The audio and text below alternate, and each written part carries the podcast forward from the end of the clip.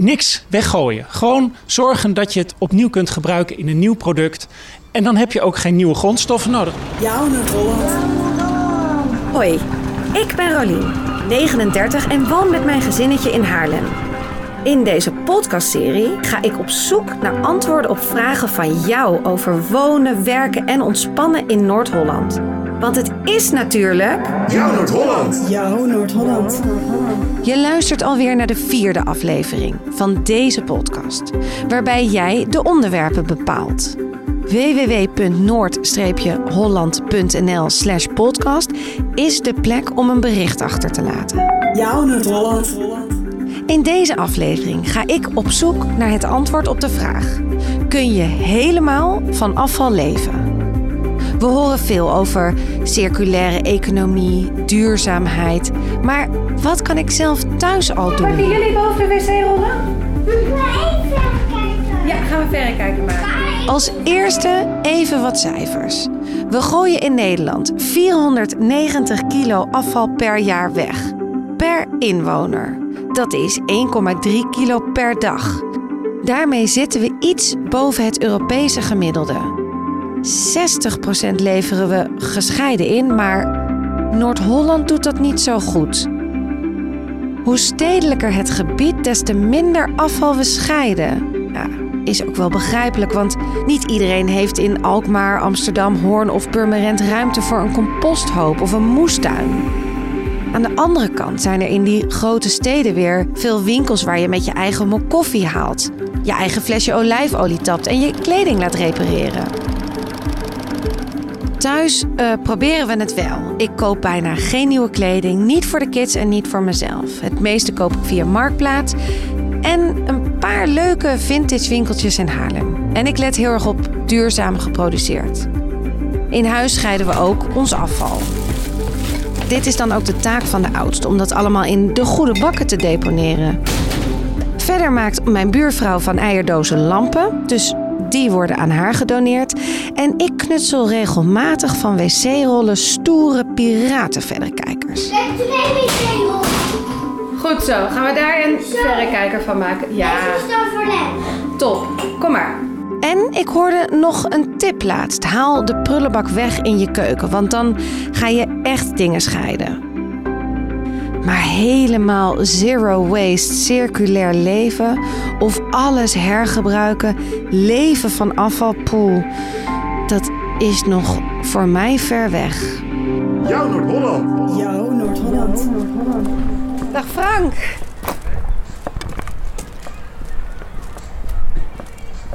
Ik ga daarom koffie drinken met Frank Kuiper. Hij weet veel over circulaire economie en we hebben afgesproken in Amsterdam Noord bij de Keuvel.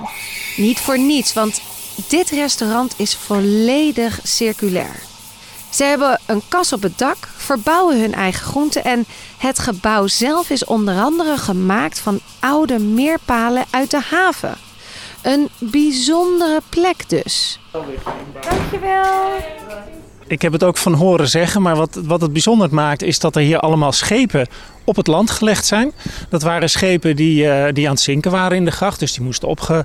eh, ja, daar moest iets mee, die moesten weggehaald worden, die lagen in de weg. En toen hebben ze bedacht van, nou leggen we ze hier neer en dan maken we er gewoon huisjes van. En dan zijn dat broedplaatsen voor mensen die circulair aan de slag willen. En er zijn hier dus allerlei, er is nu hier eh, om de hoek ook een of ander seminar bezig. Eh, waar mensen nadenken over hoe ziet de toekomst eruit in een circulaire economie. En alles hier is eerder gebruikt geweest. En ze hebben het allemaal aan elkaar gespijkerd en bij elkaar gezocht en er weer hele mooie dingen van gemaakt. En iets hoeft niet nieuws te, nieuw te zijn om toch heel erg mooi te zijn. Maar zou jij mij in een notendop kunnen vertellen wat circulaire economie betekent? Circulaire economie is dat je ervan uitgaat dat niets afval is en alles herbruikbaar is.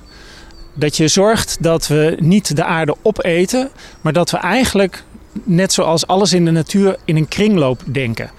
En dat je dus nadenkt of je iets wel nodig hebt eh, en of de manier waarop je het gebruikt nou de meest zinvolle manier is en of er niet alternatieven zijn die net zo leuk zijn, net zo goed zijn, net zo gezellig zijn, net zo smakelijk zijn, maar niet ten koste van de natuur gaan, niet ten koste gaan van de aarde, niet ten koste gaan van volgende generaties. Want eigenlijk leven wij nu op krediet bij de volgende generaties en wij maken het zelf niet meer mee om die schuld in te lossen. Oké, dat laatste is wel pijnlijk om te horen. We leven op krediet van de volgende generatie. We moeten dus gaan denken in kringloop. Nou oké, maar mijn kids krijgen een broodtrommel mee naar school. Ik doe boodschappen met linnen tasjes. Ik ga op de fiets. Het liefst koop ik alles zoveel mogelijk lokaal. Maar wat kan ik verder zelf doen? Nou, waar, waar het begint is bij het aanschaffen. Als je bij het aankopen al nadenkt over hoe is iets verpakt, uh, nadenkt van heb ik het wel nodig, uh, nadenkt van zou het ook op een andere manier kunnen. Daar begint het mee. Bewustzijn van wat is het gevolg van. Ik ben ook geen heilige. Ik heb ook af en toe een impuls aankoop. En dan denk ik achteraf van wat ben ik toch een stommeling. Want had ik het echt wel nodig? En had ik het ook anders kunnen kopen? En daar begint het mee. Nadenken over wat je doet. En niet denken van iedereen doet het, dus het zal wel goed zijn. Nee, je bent zelf verantwoordelijk. Ja, maar kijk, als je al over, als je gewoon al boodschappen doet en je koopt bio-bananen, daar zit ook een plastic sticker omheen om de bananen bij elkaar te houden. Ja, op zich is, is plastic een heel mooi product. Uh, wat dat betreft vind ik het heel grappig. Mijn, mijn oom uh, die, uh, kwam in begin jaren 70 uit Californië. En die nam iets mee voor mijn ouders van dit is state of the art in Amerika. Plastic borden. Plastic borden. En denk van ja, wat, wat, een, wat een zooi. Mijn moeder, die is 95, die heeft ze nog steeds. 50 jaar is dat in gebruik. Zo'n mooi product is het eigenlijk. Alleen het gekke is dus, we hebben 250 verschillende soorten plastics. En sommige zijn heel goed herbruikbaar, andere zijn niet goed recyclebaar, niet herbruikbaar. Eigenlijk moeten we terug naar minder plastics en die plastics gewoon uh, goed inzamelen, zodat ze ook goed herbruikt kunnen worden. En dat kan herbruik zijn omdat zo'n flesje opnieuw als flesje gebruikt wordt, of omdat het versnipperd wordt en er dan een ander plastic object van gemaakt wordt. Maar dat dat plastic nooit, of, of chemische recycling, dan ook, dan ga je helemaal terug naar de chemische samenstelling. Want het, en dan kan je er alle plastics weer van maken. Maar niks weggooien. Gewoon zorgen dat je het opnieuw kunt gebruiken in een nieuw product. En dan heb je ook geen nieuwe grondstoffen nodig. Dan kan die olie uh, gewoon in de grond blijven. Dan hoe gaan we dat niet verstoken? Want nu wordt heel veel plastic verbrand. Krijg je CO2. Dat is misschien wel een goede oplossing voor de korte termijn om minder olie te hoeven winnen. Maar dat is geen duurzame oplossing.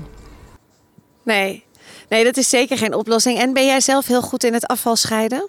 Ik uh, scheid zoveel mogelijk afval. Ik heb allemaal verschillende bakken in mijn. Uh, ik heb er de ruimte voor, dat moet ik er ook bij zeggen. Kijk, als je op een flatje, een klein flatje woont, uh, vijf hoog, dan is dat wat lastiger als je ook al die trappen af moet. ik probeer zoveel mogelijk te scheiden en, en zo min mogelijk. Alleen ja, wat ik, ik zeg, ik ben ook geen heilige. Maar ik probeer er wel rekening mee te houden. Ik denk er wel over na. Ja, dus jij begint al. De eerste tip is eigenlijk de aanschaf. En daarna inderdaad proberen te scheiden waar mogelijk. Nou ja, bijvoorbeeld als je je, je, je boodschappen doet. Eh, eh, neem, neem zo'n zakje mee om je uh, bananen of sinaasappels of appels uh, in te doen. Ja. Uh, als ze los worden aangeboden. En anders moet je misschien naar een andere supermarkt waar ze wel los worden aangeboden. Of gewoon de detailhandel, de, de, de, de kleine zaak om de hoek. de groenteboer die dat vaak wel los aanbiedt. En dan kan je ook nog eens voorkomen dat je te veel koopt. Want uh, bij voedsel is het grote probleem dat we gewoon te veel kopen. Onze ogen zijn, hoe noemen ze dat? Onze ogen zijn groter dan onze maag. Ja, dat is dus zonde. Dat kost geld en je gooit het weg. Dus is ook nog verspilling. Dus dat is twee keer niet zo, niet zo handig. Nee, absoluut. En denk je dat we in de toekomst echt van al ons eigen afval kunnen gaan leven? Dat we alles kunnen gaan hergebruiken zelf?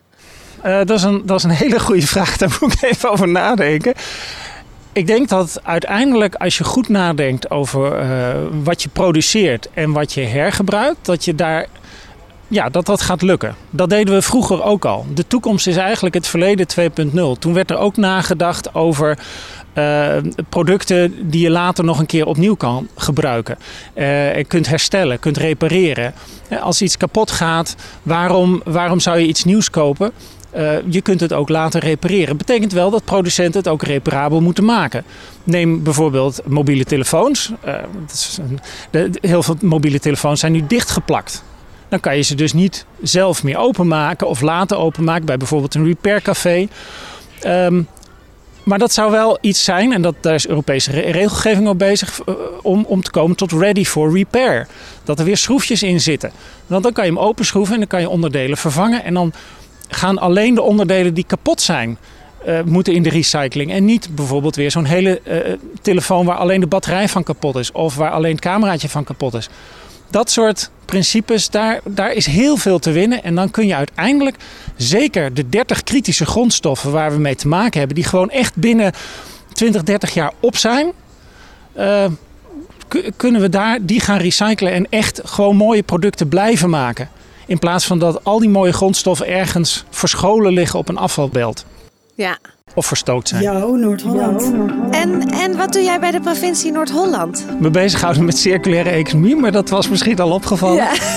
Nou, heel vaak is het overleggen. En dat is overleggen met andere overheden van wat kun je doen.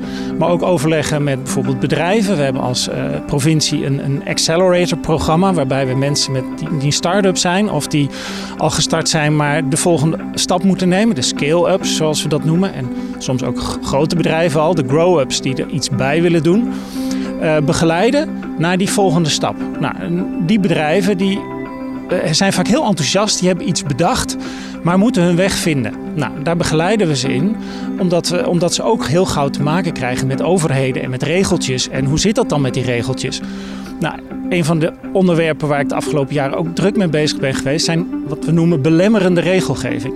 Dus regelgeving, je wilt wel iets, maar het mag niet, omdat er vroeger op een hele verkeerde manier mee omgegaan werd. Neem afval. Vroeger werden er hele foute dingen gedaan met afval, dus die regels zijn heel streng geworden. Maar nu zien we dat afval als een nieuwe grondstof. Ja, dan loop je wel tegen die regeltjes aan. Maar ga je die regeltjes veranderen, dan wil je niet terug naar het verkeerde gebruik uit het verleden. Dus dat is best ingewikkeld. En soms heb je een mooi product, maar je moet concurreren met een bestaand product. Eh, dat is ook een belemmering. Dus moet je kijken van hoe kun je zorgen dat dat bestaande product eh, of het nieuwe product vergelijkbaar is qua kostprijs, qua markt met dat oude product. Want anders krijg je het niet weggezet. Dus help je bedrijven eh, met regelgeving. En dat kan bijvoorbeeld eh, het afschaffen van, dat is een lobby die we hebben, het, het verlagen van de belasting op tweedehands kleding. Het is heel raar dat je twee keer BTW betaalt. Ja.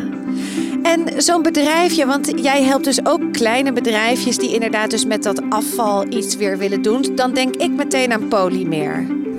Polymer is zo'n bedrijf wat bij ons de Accelerator gedaan heeft. Ja. Ja. Die, die hebben een, een heel mooi eh, proces waarbij ze van plastic nieuw bouwmateriaal maken of nieuw plaatmateriaal. En dat ziet er heel gemarmerd uit. Dat is echt, ja, dat is gewoon een hele mooie manier. Eh, en het mooie daarvan is, je geeft het oude plastic en ze kunnen allerlei plastics mengen. Want het is een thermisch proces en ze smelten het als het ware bij elkaar. Eh, op een hele mooie manier, waarmee dat plastic dus niet de oven ingaat. Maar ook de koolstof die daarin zit niet verbrand wordt naar CO2, maar gewoon een tweede gebruik krijgt. En het zijn planken die heel lang meegaan. Dus ja, je hebt, een, je hebt een hele duurzame vorm van een nuttige besteding van wat anders afval zou zijn geweest.